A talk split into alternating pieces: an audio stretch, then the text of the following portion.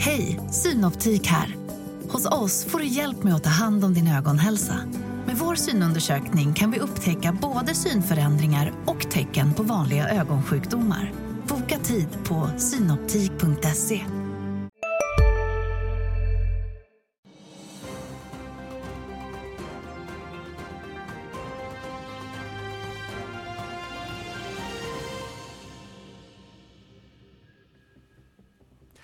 Äntligen fredag och det med lite av en rapportfest och ett småbolagstema här i studion. Däremot noterar vi nedgångar både i Asien, på Wall Street och på terminen här i Stockholm. Det är den 18 augusti du tittar på Börsmorgon. I dagens program vi har fått styrkebesked från Björn Borg. Vi ska snacka detaljhandel, konsument. Det blir Kina-oro, det blir börshumör, det blir en del fastigheter också kanske. Ja, och så ska vi hoppa på Gotlandsfärjan och det gör vi tillsammans med Fredrik Skoglund, Fonder. Roligt att ha dig här Fredrik. Eh, lite dystert eh, i försnacket. Jag läste att augusti är en sedvanligt dålig börsmånad. Ja men så är det ju. Säsongsmässigt så är det en ganska tuff period här nu och eh, det verkar väl tyvärr vara liknande även i år. Liknande i år. Vi hade en bild som vi plockade från SCBs morgonbrev som visar att augusti här i botten när september tydligen alltid, alltid ska vara trist. Eh, däremot sänker Arla mejeripriserna, äntligen blir smöret billigare. Någonting. Hur firar du det? Ja, men hoppas att butikerna skickar det vidare. Och jag tänkte faktiskt på det att Arla går ut med det så tydligt för att visa att de vill verkligen få ner priserna. Eh, och får hoppas att butikerna släpper vidare den prissänkningen. Jag har faktiskt en intervju med ICAs VD, Dyr ICA som det kallas, där, man, där VD lovar eh, sänkta priser. Så att det, kanske din önskan kanske blir hörsammad. Eh, vi måste nämna att Evergrande är tillbaka i rubrikerna igen. Det är alltså världens, det är inte SBB som är världens mest skuldsatta fastighetsbolag utan det är Evergrande och de har ansökt om konkursskydd i New York. Många artiklar handlar om det här, om spridningseffekter och, och om den svaga yuanen.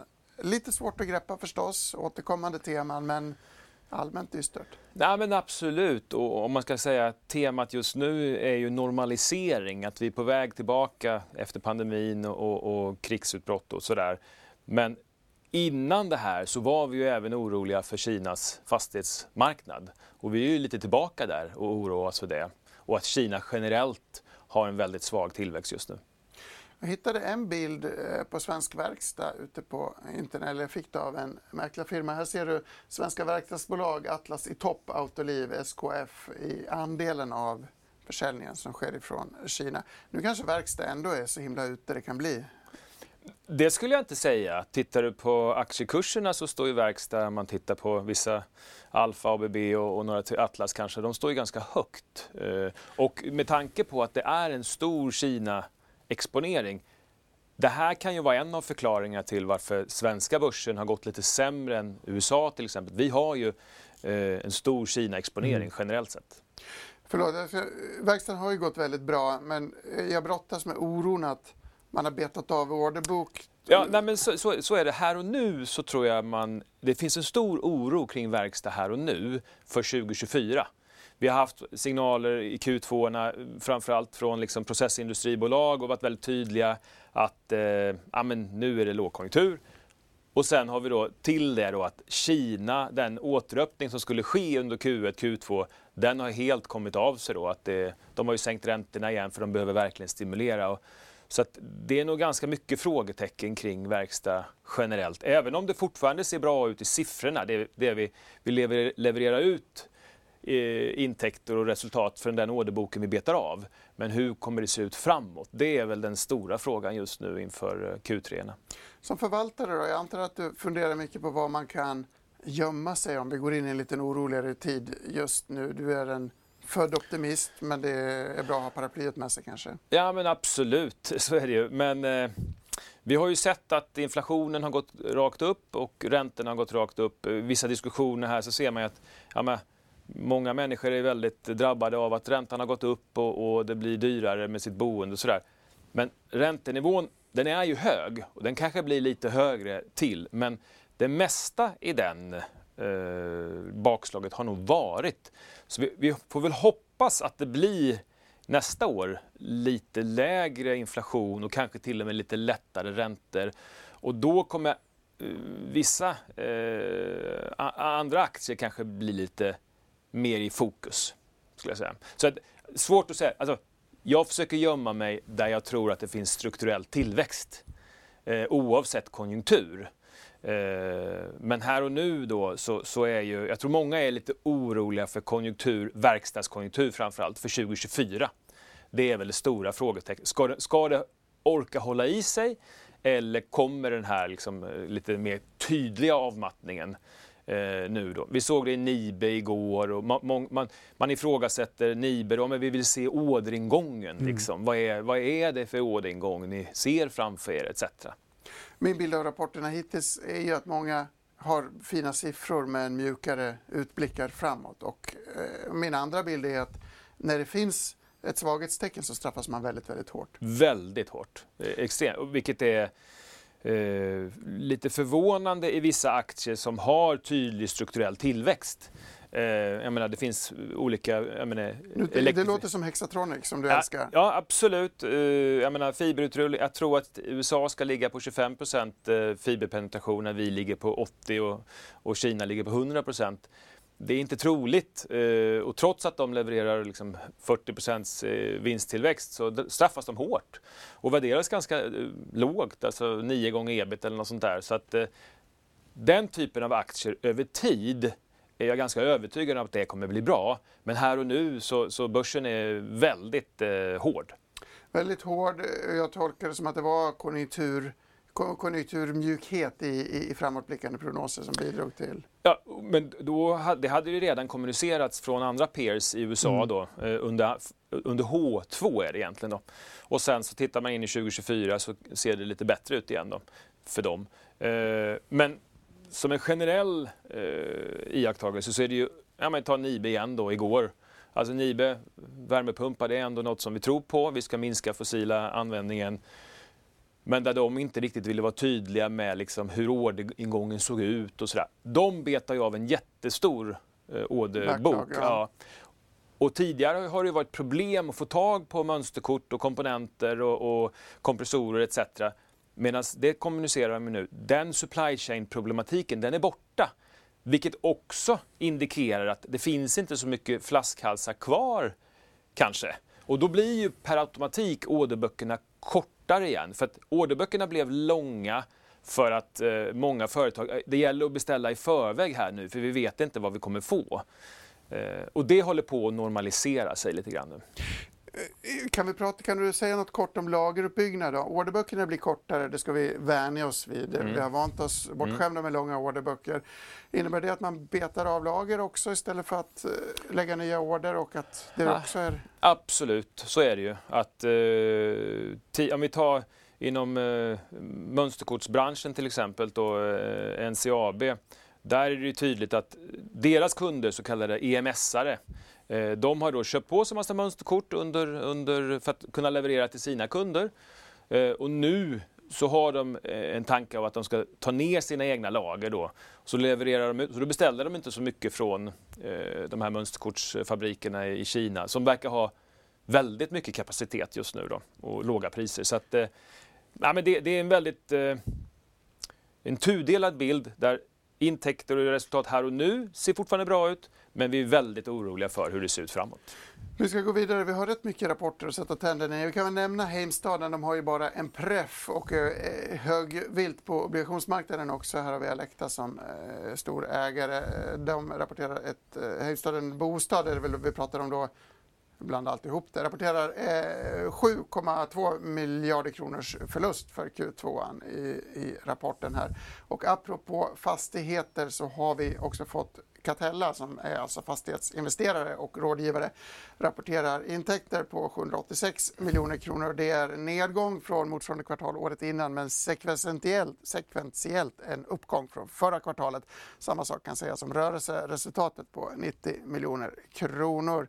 Med oss för att smälta detta har vi Kristoffer Abrahamsson. Kristoffer, vi hade lite tekniska problem men nu är du med, det gläder mig. Hur vill du sammanfatta kvartalet själv? God morgon Gabriel, trevligt. Eh, bra att du löste problemen. Eh, det har varit ett eh, långsamt kvartal på marknaden. Transaktionsmarknaden är ner 60 70 procent genom Europa på de lägsta nivåer som vi har sett sedan finanskrisen 2008-2009. Men för oss så är det ändå ett bra kvartal om man ser det historiskt sett. Vår största underliggande verksamhet, Investment Management, har sitt näst bästa andra kvartal någonsin. Men jämförelseperioden förra året är givetvis eh, tuff. Då hade vi eh, väldigt stora rörliga intäkter i slutet på en stark marknad och avyttrade även lite fastigheter som gav oss extra vinst. Starkt underliggande resultat, men en eh, väldigt trög marknad skulle vi kunna sammanfatta.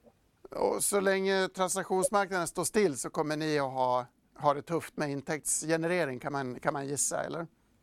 Ja, på rörliga sidan kan vi säga. Alltså, vi har ju eh, sedan förra året har vår investment management-verksamhet, som är vårt viktigaste ben från lönsamhet, vuxit eh, fasta intäkter med 14 procent. Det är en kontinuerlig uppgång som vi har sett eh, ända sedan vi lanserade segmentet 2015.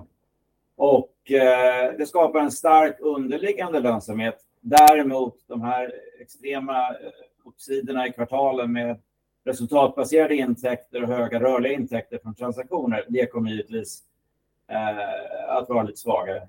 På rådgivningssidan, så länge transaktionsmarknaden är så här sval, så ska vi inte förvänta oss alltför stora eh, förbättringar i närtid i varje fall. Eh, Fredrik Skoglund, som står bredvid mig i studion, brukar säga till mig när jag är orolig, så säger han att det är mörkast innan det blir, innan gryningen. Håller du med om det? Ser du några tecken på Eh, någon slags vändning än, eller måste vi vänta lite till innan vi eh, ser transaktioner i marknaden, till exempel? Vi befinner oss, det beror lite på eh, europeisk marknad. Som du vet, vi är verksamma i 12 europeiska länder. Störst är Tyskland, Frankrike, England. Sverige är lite mindre marknad för oss, även om den är viktig. Så att Vi ser, vi lever i en miljö där fortfarande det är inte riktigt synk mellan köpare och säljares förväntningar, även om de har kommit betydligt närmare på senare tid. Eh, vi tror väl inte på en stor förändring i närtid, de närmsta ett eller två kvartalen. Däremot ska sägas att det finns enormt mycket kapital i fonder. Vi har 10 miljarder i kapital som vi kan investera via våra fonder, som ligger redo. Hela marknaden ligger på väldigt höga nivåer. Eh, alla ligger i startgroparna, men det är en osäkerhet som gör att eh, de flesta aktörer eh, väntar. Men det opportunistiska kapitalet som vi diskuterade senast, tror jag också, det har börjat agera och det är de vi försöker hitta nya partnerskap med. Jag har två korta slutfrågor innan vi tackar för kaffet. Har du någon reflektion på det som händer i Kina? Jag förstår att ni kanske inte är verksamma själva, men du kan den internationella fastighetsbranschen. Vi läser om Kina och blir oroliga. Hur går dina tankar? Vår första reflektion borde väl vara att vi är ganska glada att vi inte är exponerade. Eh, sen hur det påverkar det makroekonomiska läget tycker vi är för svårt att säga om man tittar på. Vi drivs ju mer av vad som händer i USA och Europa, för det påverkar räntor och förväntningar i Europa. Så jag har ingen särskilt intelligent kommentar om hur Kina ska påverka oss. Ska jag få en fråga från marknaden också bredvid mig? Nej, jag har en fråga också, också en annan marknad. Kontorsmarknaden i USA, vad är dina tankar kring den? Där har du ju lite högre vakanser än vi har här hemma, så att säga. Ytterligare en marknad jag är ganska nöjd att vi inte är i. Eh, där har vi ett strukturellt problem, eh, tror vi. Det är väldigt stor utflyttning från urbana områden. En stor omvändning av hur kontor används. Eh, Europa har en annan urban densitet och hur folk faktiskt lever och verkar. Så jag tror att USA har kortsiktigt större problem än vad Europa har. Eh, allra sista fråga. Du är en av de vd:ar som har köpt aktier efter att kvartalet är slut, men innan den här 30-dagarsperioden som föregår eh, rapporten. Har du någon kort reflektion till det? Är det en lucka i lagen vi borde täppa till eller eh, är det inget problem? Vi har ju Finansinspektionen har regler, vi har policies. Just de första dagarna i kvartalet så personligen var jag på semester och inte i närheten av kontoret. Jag hade ingen insikt i siffrorna. Eh, men det är klart, alla har sina åsikter. Eh, det är vi som sitter som insynspersoner i många olika transaktioner. Vi har rätt få fönster där vi faktiskt kan köpa aktier. Eh, då får man ibland passa på att agera, även om vissa kan ha syn på exakt hur det fungerar. Men givetvis skulle vi aldrig göra någonting. Det skulle vara tvivelaktigt eller någonting mot våra policies eller lagar. Och det vill jag absolut inte heller insinuera. Eh, det är bara en diskussion som har kommit upp. Jag är glad att ta dig på pulsen i, i frågan. Kristoffer, jätteroligt att ha dig med eh, och på återseende. Med det så går vi direkt till börsöppning och Studio 2.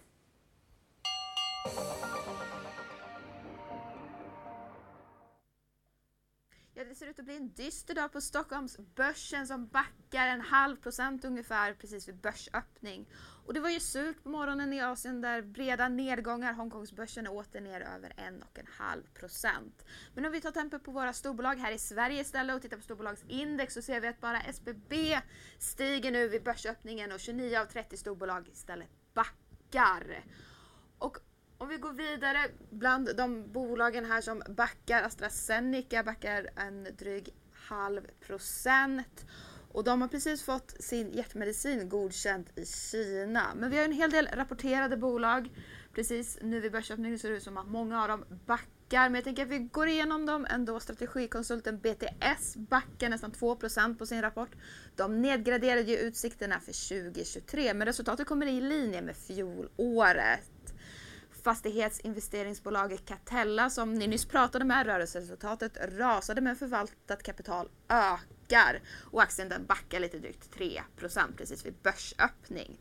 Bättre ser det ut för Boost som stiger på sin rapport och om vi pratar lite där om mode så de rapporterade ju högre lönsamhet men nettoomsättningen kom in under förväntan. Även Björn Borg har rapporterat högre omsättning och resultat än tidigare år men aktien den faller 7% precis vid börsöppning. Och backar gör även Gotlandsbolaget. De backar 2% nu. De minskar omsättning men vänder till positivt nettoresultat. Hemstaden däremot stiger 8% och deras hyresintäkter krymper och resultatet backar men aktien stiger vid börsöppning 8 är den upp.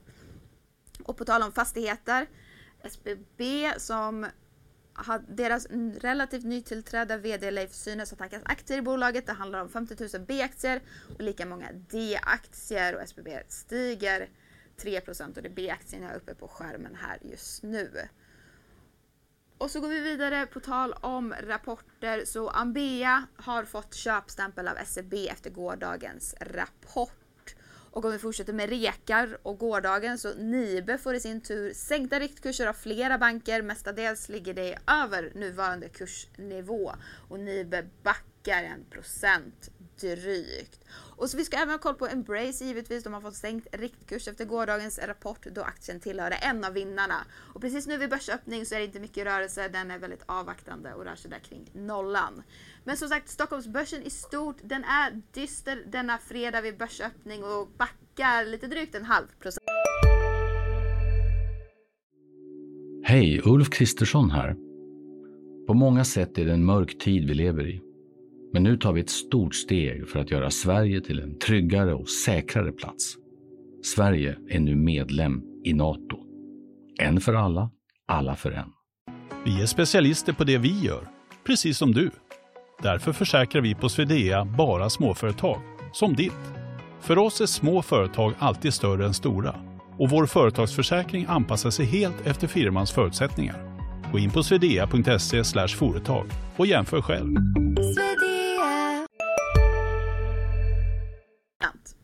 Stort tack för det. SBB vinnare alltså efter att Leif VD köpte aktier igår.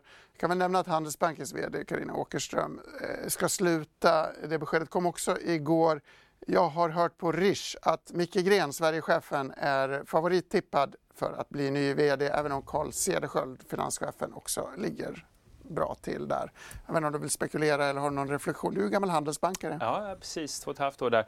Eh, nej, jag vill inte spekulera. De nej. är duktiga på att hitta rätt ledare tror jag.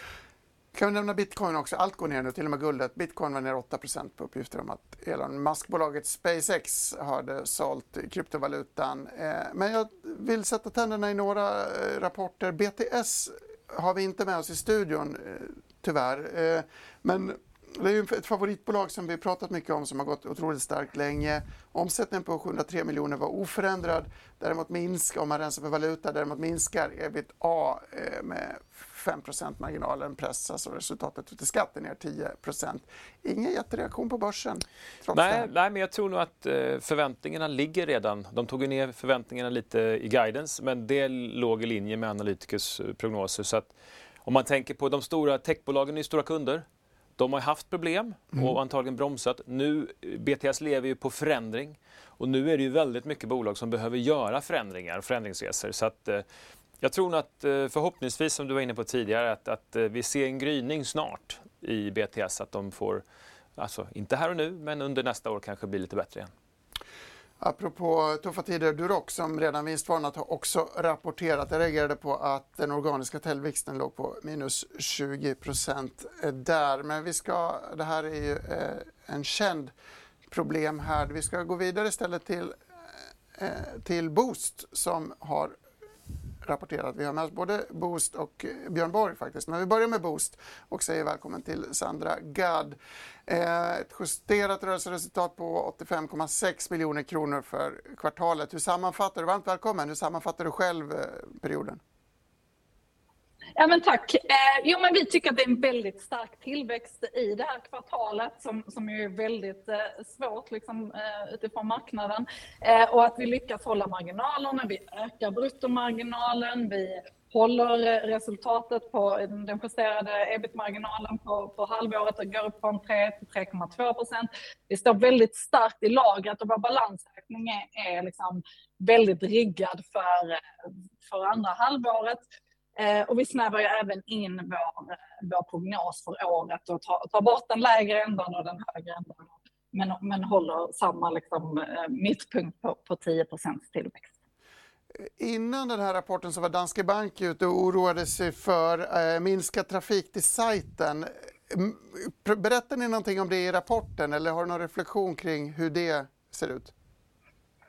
Ja, men många tittar på den här similar web. För oss så är den inte lika relevant eftersom mycket handlar om våra kunder, hur mycket de konverterar och hur mycket, order, alltså hur mycket de lägger varje order. Och i detta kvartalet har vi ett fortsatt ökat ordervärde. Eh, kunderna lägger fler grejer i varje order och det och, och, det är ju liksom en del av den här strategin som vi har pratat mycket om med, med Department Store, där vi, där vi vidgar kategorierna, gör det mer relevant för kunderna att shoppa i fler kategorier. Och det, det, det, det har kunderna fortsatt med. Så, att, eh, så vi tycker att vi ser väldigt goda tendenser både på, på vår kundbas. En fråga bara. Vi har sett i eh, eh att i hela ekonomin att det har blivit lite mer fysiska butiker eh, på bekostnad av online. Tror du att det kan göra, ha att göra med att eh, onlinebutiker mer, ja, men man får betala för returer etc. Hur ser du på det, att det har blivit lite återgång till fysiska butiker generellt sett? Eh, ja, nej men alltså, ja, den är lite svår. Alltså, jag, jag, tror ju inte att offline blir mer konkurrenskraftigt om, om du drar ut på en längre tidslinje med tanke på vad, vad, man har för utbud och med tanke på hur, hur kostnadsstrukturen ser ut. Vi ser ju att vi kan vara, trots att det är ganska stor press på, på marginaler, det finns stora lager ute, det finns många som, som kämpar för sin överlevnad. Och trots det så kan vi då leverera liksom en ökad bruttomarginal och jag tycker att det visar ju på liksom online-strukturens starkare eh, värdekedja kan man väl säga. Men, men, där, men det är klart att den fysiska handeln kommer att finnas kvar och där, och där sker lite skick, eh, skiften emellan. Jag tror också det har varit en del skiften mellan liksom fysiska, de klassiska spelarna som har haft handel både online och fysiskt och, och hur handeln har gått mellan de två olika kanalerna. Jag tänker nästan vi ska eh, utöka samtalet ännu mer och säga välkommen till Henrik Bunge, alltså VD för Björn Borg, börsens mest atletiska chef. Vill du koppla på, varmt välkommen, du ska få berätta om bolaget och rapporten snart, men kan du inte kroka på i den här online versus offline diskussionen som vi har börjat? Eh, absolut, ja, men det kan jag göra och vi ser ju att vi har eh, otroligt liksom, fin tillväxt i båda kanalerna. Nu har vi väldigt få butiker kvar, men eh, vi har ju en, eh, en tillväxt i egna butiker eh, med jämförbara enheter på 21% i kvartalet och vår egen e-handel växer 39% Så vi ser ju fortsatt ett otroligt starkt momentum online, även om fysiska butiker också växer. Om vi tittar på våra kunder så ser vi fortsatt en mycket starkare återhämtning bland e-tailersna. Så det ni pratar om, den här lite grann återgången till fysisk retail, den ser inte vi i våra siffror. Så vi har ju stark tillväxt bland våra e-tailkunder. En sådan är ju Boozt. Så kul och grattis till ett fint resultat. Ni är ju en jätteviktig kund för oss. Så när ni mår bra, då mår vi också bra. Det är jag jätteglad över. Men vi ser också en stark återhämtning för under Zalando till exempel under kvartalet, där vi växer med över 40% och Tyskland totalt 39% i kvartalet. Så att vi ser fortsatt liksom starkt fokus online. Vårt fokus som varumärke är fortsatt online, där vi tror att både för att bygga varumärke och bygga distribution, att det är vår snabbaste vägen för att fortsätta öka vår omsättning lönsamt. Sandra, vill du avsluta den här diskussionen med någon ytterligare reflektion eller ska vi gå vidare? Nej, men det, alltså att ni satsar online, det tror jag är helt rätt. Så fortsätt med det, då blir vi glada. Jag tänkte i den här plenumdiskussionen så vill jag ta er båda på pulsen rörande den blödande konsumenten eller den återhållsamma konsumenten. Sandra, din känsla för viljan att shoppa där ute i stugorna? Eh, men konsumenten är starkt påverkad och det ser vi. Och vi är ju fokuserade på de nordiska marknaderna. Vi ser liksom väldigt snabbt de olika ändringarna när Sverige blir lite deprimerat, när Danmark kommer åt. Alltså det händer ganska mycket och man märker att kunderna är ganska känsliga. Och det är någonting vi tror de kommer fortsätta vara andra halvan av detta året, men också in i nästa år. Så det som är viktigt är att man ligger väldigt nära kunden. Man ser till att man har attraktivt erbjudande, men att man ändå kan tjäna pengar. Det är vårt huvudfokus att liksom vi ska kunna vara relevant för kunden, men också säkerställa vår egen lönsamhet. Och då måste man ligga väldigt nära kunden med vad man har för produkter och erbjudande och hela paketet om man ska fortsätta växa. Det är egentligen en fråga till Henrik, men finns det någon skillnad mellan konsumenten i Tyskland eller andra, inte i Sverige så att säga? Alltså, är konsumenten i Sverige extra drabbad? Och Sandra, du får gärna flika in om det är i Norden, om det, hur ni tänker kring det är lite intressant. Var det till mig eller till Sandra? Till båda, men Henrik får börja.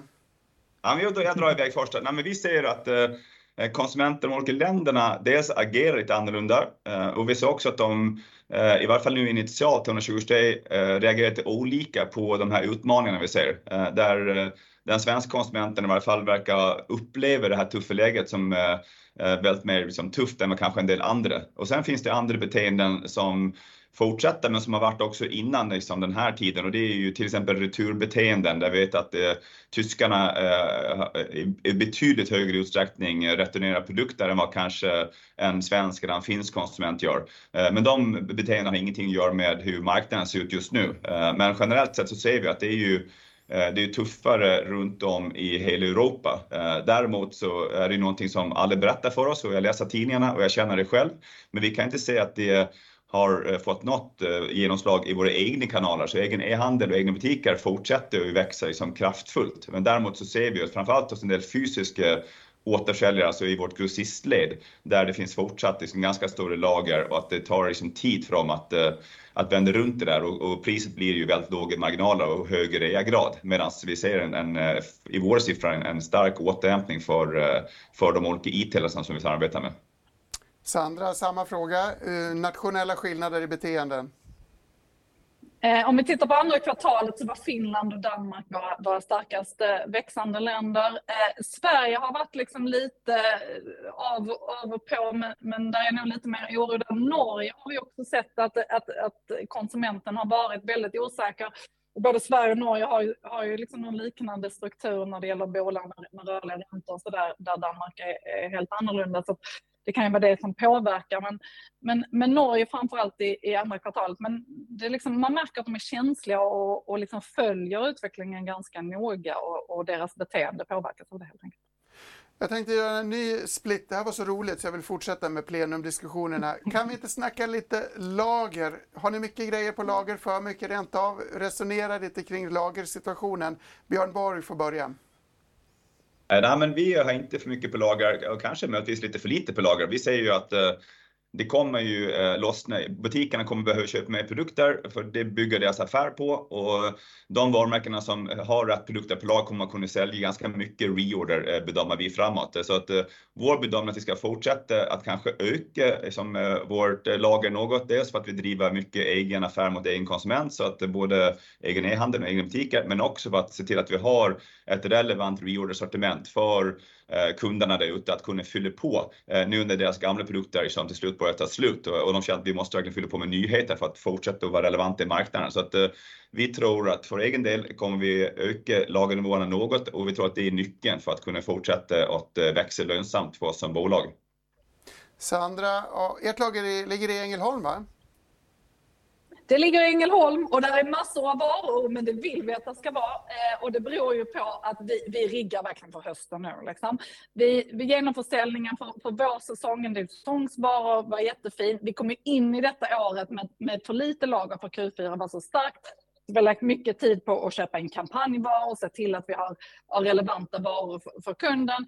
Genomsäljning har som sagt varit bra under, under liksom, av vårsäsongens eh, lager. Nu har vi fått in eh, höstvarorna mycket tidigare än förra året.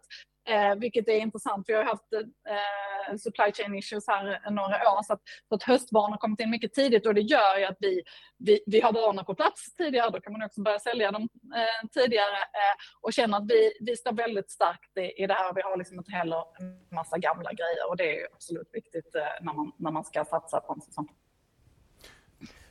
En fråga kring supply chain där. Är allting normaliserat igen? Att ni kan få era varor när ni vill och inte behöver vänta på dem? Sandra först. Eh, ja, men vi...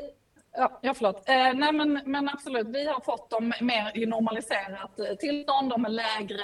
Cancelleringsskadorna var ett, eh, rätt höga ett tag där, men de är med, nere på de här kring 5 som, som vi har haft historiskt. Så det ser ut att, att vara ganska normalt nu.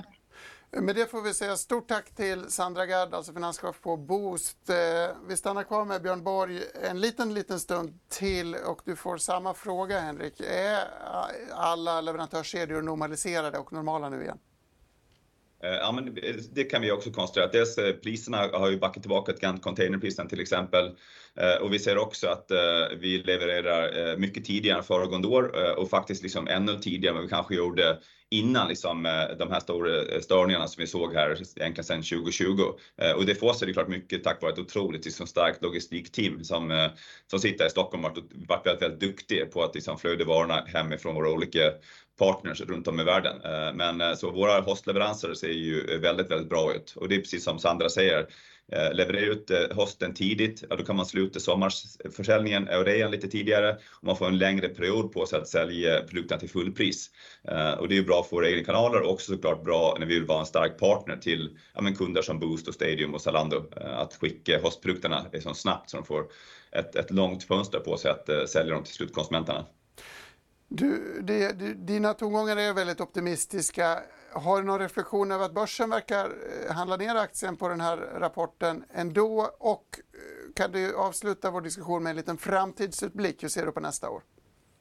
Eh, ja, men jag tycker ju alltid att vår aktie är undervärderad, att man borde liksom, eh, köpa mer, men eh, jag har valt att kanske inte kommentera den så mycket. Jag är själv god aktieägare och för mig har det varit en god investering sedan jag började. Och, jag eh, fortsätter att bibehålla mina Björkborg-aktier. Eh, men jag kan konstatera att eh, individen just nu är ju väldigt känslig. Det ser vi och kanske framförallt liksom i Sverige om man jämför med en del andra nordiska länder. Så att, små indikationer blir oftast liksom stor påverkan på. Det ser vi både när man köper produkter men också kanske både när det gäller aktiemarknaden. Jag vet inte, men om vi tittar framåt så vi är helt övertygade om att eh, det är klart att å ena sidan kommer det vara en, en utmanande marknad. Eh, eh, vi tror inte att det kommer att bli lättare under hösten. Högst oklart när det kommer att liksom återgå med, med stark tillväxt igen för, för den underliggande marknaden som sport och mode. Men, men däremot tror vi att vi är fortsatt så små, vi pratar sportkläder, att det finns ju stora möjligheter att fortsätta och växa våran, våran sportklädeskollektion, men också vår underklädeskollektion i redan befintliga marknader. Och sen den kanske godaste nyheten och det som gör att jag fortfarande är ganska så framåtlutad och känner mig eh, väldigt hoppfull inför framtiden, det är ju att vi har ett otroligt momentum i egna kanaler. Vårt varumärke stärks ju hela, hela tiden eh, Och det kommer att vara värt massor oavsett om det är tufft eller inte där ute. Eh, vi är ju här för att bygga någonting på lång sikt. Vissa kvartal kommer aktien kanske handlas ner, vissa kvartal kommer handlas upp, men över tiden så är ju vår ambition att bygga ett globalt liksom, sportmodevarumärke och vi känner att det här kvartalet har tagit oss ett steg närmare den långsiktiga visionen. Ehm, och i tillägg till det, vi bedömer att ett varumärke som har som mission att inspirera dig och alla andra att eh, att du kan bli liksom en bättre egen version. Ja, den missionen, den står intakt också i tuffa tider. Ehm, för oss handlar det bara om att inspirera, att men gå i trappen istället, ta en extra lång promenad eller passa på att träna idag. Många av de där aktiviteterna kostar ingenting. Ehm, och som varumärke vill vi bara påminna dig om att eh, ge dig själv den, den, den gåvan helt enkelt att uh, köra ett träningspass idag, då kommer allting bli bättre, även om räntan är uh, otroligt hög just nu.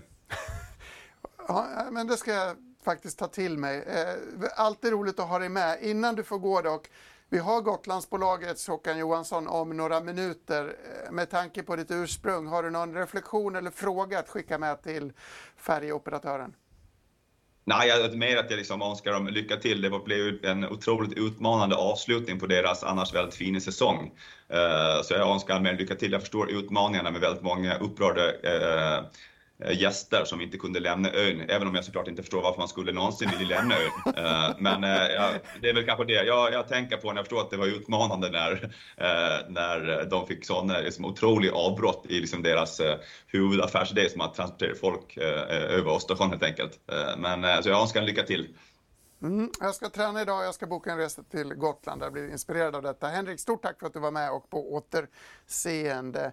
Eh, idel optimism får man väl säga. Ja, men, och även tecken på normalisering. Ja. De var inne på det, nu har de höstkollektionerna tidigare, de kommer kunna sälja lite längre med fullpris. Och, ja, men jag, tror, jag tror ändå, och, och ändå väldigt optimism kring e-handel då. Vi har ju ändå generellt sett, alltså mat och alltså, då har det varit lite mer återgång till fysiska butiker. Vi får väl se. På lång sikt så, så är ju e-handel den vinnande trenden antagligen. Sen har det ju varit massa grejer med Eh, Apple har ändrat och Google har ändrat grejer så att det har kanske varit svårare att nå ut till digitala tvillingar och sådär och marknadsföra sig. Där kanske man har kommit i mål. Jag har även sett det i vissa mobilspelsbolagen att de börjar träffa lite bättre med sin marknadsföring igen då och det börjar ta lite fart. Det, det har ju varit en stor omställning kring Apple och Googles förändrade marknadsföringsregler. Liksom. Eh, lite av en kalldusch som man har anpassat sig till alltså och eh, är tillbaka. Mobilspel, Ja, intressant. Ja, nej, men det, det, vi, vi såg det i Embracers rapport igår. Där mobilspelsdelen var den som var bäst. Tencent har flaggat för att mobilspelsdelen går ganska bra igen.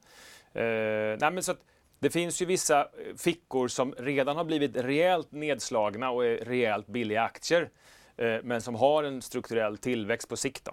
Du har ägt G5 men äger inte längre va? Eller hur? Äger inte den, men vi, vi är med i MTG eh, som säkerligen kommer börja köpa tillbaka aktier här igen när de har cancellerat 10 och Vi är med lite i Stillfront fortfarande och sådär. Så att... mm. Mobilspel på olika håll och kanter. Efter gymmet och eh, jag har bokat min Gotlandsresa så kanske jag spelar lite mobilspel. Det är ett billigt nöje. Det är ett billigt nöje. Fast ingenting är lika billigt som Börsmorgon som inte kostar någonting. Bara lite reklam. Hörni, dags att gå till Studio 2 och en uppdatering med Sofie Grasberg. Ja, det går lite i moll här på Stockholmsbörsen och det har det gjort hela veckan. Just nu så backar det lite drygt en halv procent. Om vi tittar på storbolagsindex så ser vi att SBB stiger. De ligger i toppen på storbolagsindex och B-aktien är upp nästan 3 Och där har ju deras relativt nytillträdda VD Leif Synes tankat aktier i bolaget och det handlar om 50 000 B-aktier och 50 000 D-aktier. Och jag har tagit upp båda här. B-aktierna stiger 3% och D-aktierna lite drygt 2 men det är betydligt mindre stigning, men Telia och Kinnevik, även de upp på storbolagsindex. I botten däremot så hittar vi Nibe som precis rapporterade igår. Och efter den rapporten så har de fått sänkta riktkurser av flera banker men mestadels ligger de riktkurserna fortfarande över nuvarande kursnivå. Men Nibe backar nu på morgonen 2,5 procent. Och vi ser att även H&M ligger där i botten av storbolagsindex. Men jag tänker att vi kan prata lite om de bolagen som rapporterade idag. Strategikonsulten BTS tapp, de tappar 5% på sin rapport och de nedgraderade utsikterna för 2023. Och så ska vi fortsätta med moderbolagen som vi precis har pratat med. Boost stiger på sin rapport de är upp 4 efter att ha rapporterat högre lönsamhet. Björn Borg däremot, de tappar lite drygt 3% på sin rapport. Och så ska vi gå vidare till Gotlandsbolaget. De tappar även de och backar 2% på sin rapport. De minskar omsättningen men vänder till positivt nettoresultat. Bättre ser det ut för Heimstaden som stiger 3% trots att hyresintäkterna krymper och resultatet backar. Större rörelse så är det för satellitbolaget Ovzon som har hoppat lite upp och ner men nu backar nästan 5% och bolaget ökar förlusten under kvartalet. Men på tal om rapporter så igår rapporterade ju Ambea. De har nu fått köpstämpel av SEB efter den rapporten och de stiger 5% idag. Och vi ska givetvis fortsätta med lite rekar. Även Embracer har fått sänkt riktkurs precis som Nibe efter gårdagens rapport. Och då, igår så tillhörde det däremot Embracer en av vinnarna och efter den här idag så rör de sig i sidled. Men som sagt, Stockholmsbörsen är lite dyster denna fredag och backar 0,6 procent byggbranschen. Och... Stort tack. Vi står här och pratar om konjunktursignaler från olika håll. Men vi ska fortsätta på det gotländska spåret och säger rast välkommen till Håkan Johansson, VD för relativa börsnykomlingen eh, Gotlandsbolaget. Vi har redan försnackat lite grann. Gotlandsbolaget har ju haft lite lite motigt, eh, lite tekniska problem på senare tid. Vi kanske ska börja där. Hur, hur går dina tankar kring de eh, utmaningarna? Ja, men god morgon. Eh, ja, det stämmer. Eh, vi hade en, en, en, eh, Eh, en teknisk eh, incident på ett av våra tre fartyg eh, precis innan den här föregående helgen. Som är en stor reshelg. i slutet på medeltidsveckan, det är slutet på sommaren. Skolstarten är på gång. Eh, så timingen var eh, det sämsta tänkbara. Eh, och eh, eh, vi har jobbat väldigt intensivt. Eh, Våra medarbetare i Destination Gotland har gjort ett hästjobb helt enkelt och en kraftsamling för att hantera de stora volymer av gäster och resenärer som vi har under den senaste veckan. Det har rört sig om Um, ungefär 17 000 personer som har varit uh, drabbade. Och för att parera det här så har vi um, använt våra två uh, stora ordinarie färger uh, och vi har genomfört ett, ett antal extra turer. och i dagsläget så har alla 17 000 blivit ombokade till en annan resa. De flesta har genomfört sina resor. så att ehm, nu när så att säga dammet har lagt sig så har vi kunnat Ehm, eh, fått eh, våra resenärer att, att nå sin destination till slut. Så att, eh, men sen, sen fortsätter vi eh, att, att eh, se till att våra stora ordinarie färger kan gå extra turer och eh, parera för eh, den här då avsaknaden av det tredje fartyget, eh, Drotten som hon heter. En, med risk för att låta otrevlig, men bara ifall någon frågar sig om det här beror på att ni har snålat in på underhåll eller någonting i den stilen. Vad skulle du svara på en sån fråga? Jag skulle svara ganska definitivt nej. Eh, det här är ju eh, väldigt ovanligt att en sån här eh, incident inträffar och i det här tillfället som jag sa Eh, väldigt olycklig eh, timing då precis innan en, en resehelg. Vi gör löpande underhåll i Destination Gotland. Eh, översyn kring de här fartygen. Vi dockar dem oftare än man gör normalt sett i branschen. Eh, vi har ju en väldigt intensiv trafik. Vi går 3000 turer per år. Det är en viktig infrastruktur för Gotlands samhällsutveckling.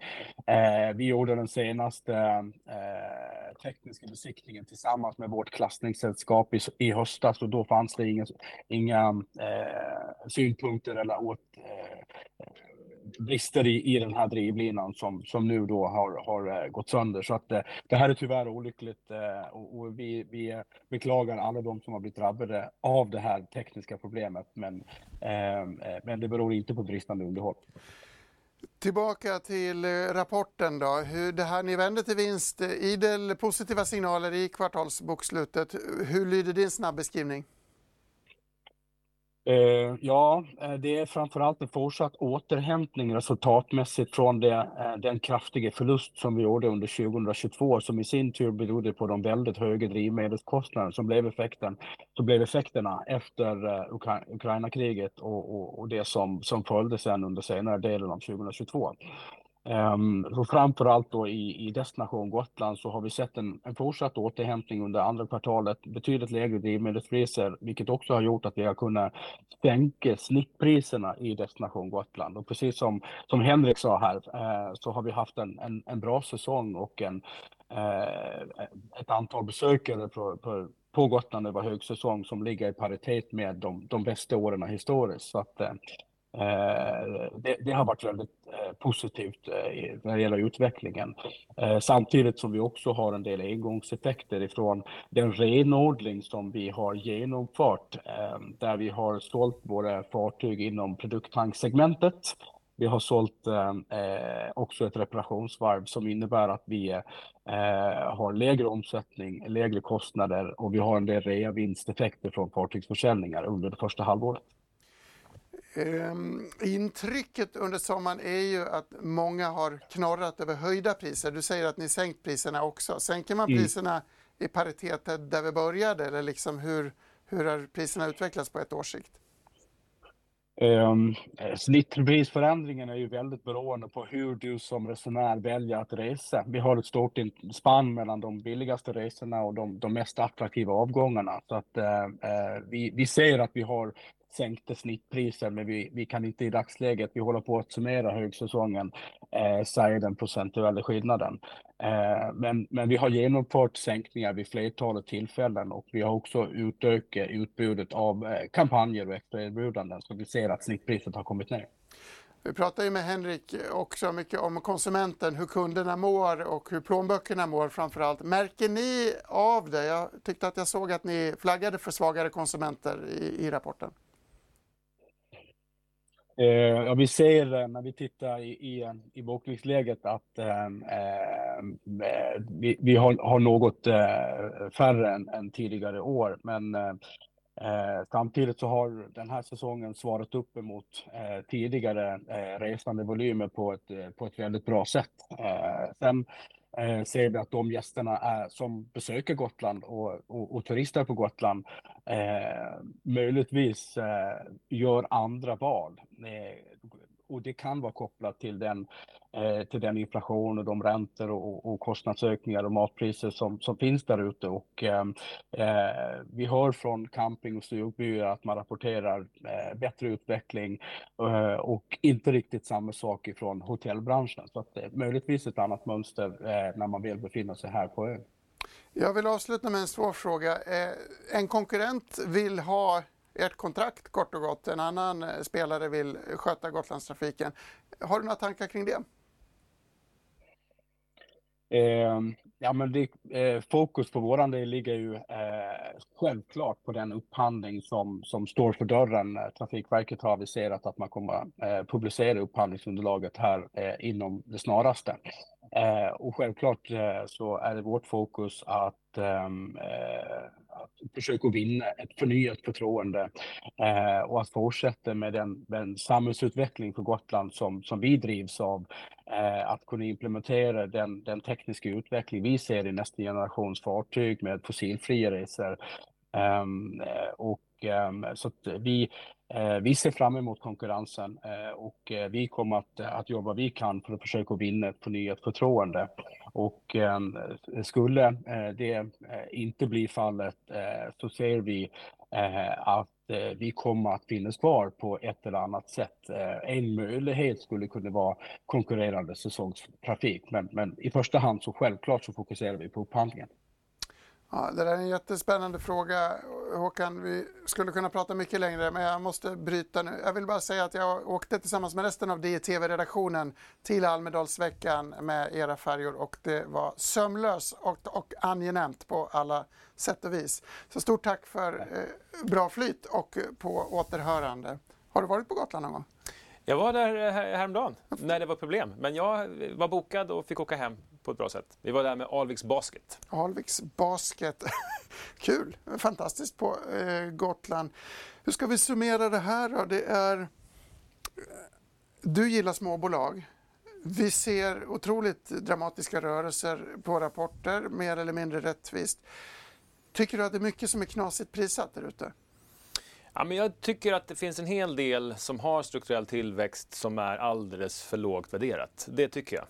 Eh, och tittar man på småbolag mot stora bolag till exempel, då har det ju varit uppenbart att stora bolag har gått mycket bättre nu under ett, ett och ett halvt, två år.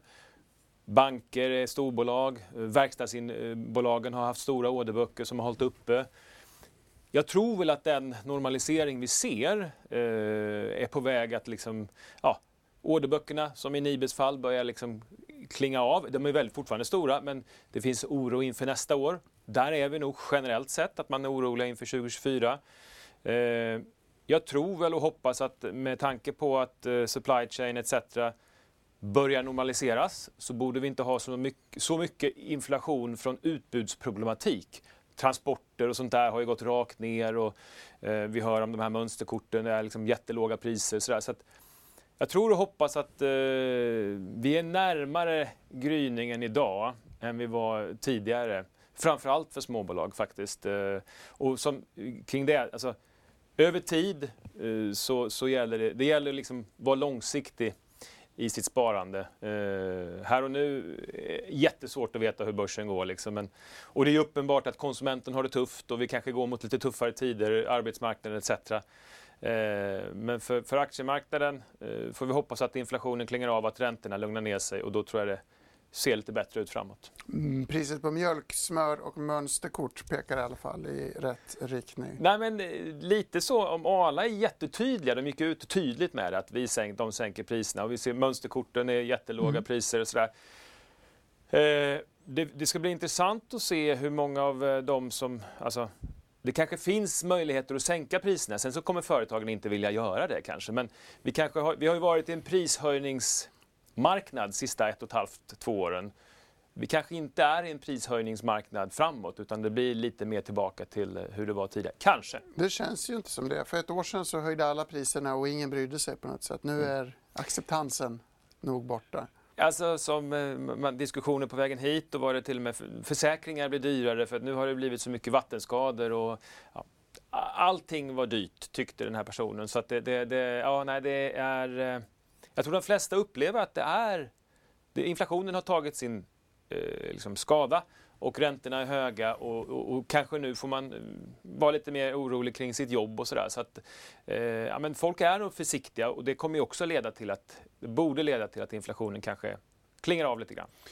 Det låter hoppingivande. Det är alltid mörkast innan julaftonsmorgonen gryr eller något i den stilen. Eh, optimism och eh, solstrålar i den allmänt eh, sura börsdagen här. Stort tack från oss till studion. Innan vi tar helg så får ni titta på Börskoll klockan 14. Sen är vi tillbaka igen nästa vecka som vanligt. Ha det gott och trevlig helg när den väl kommer.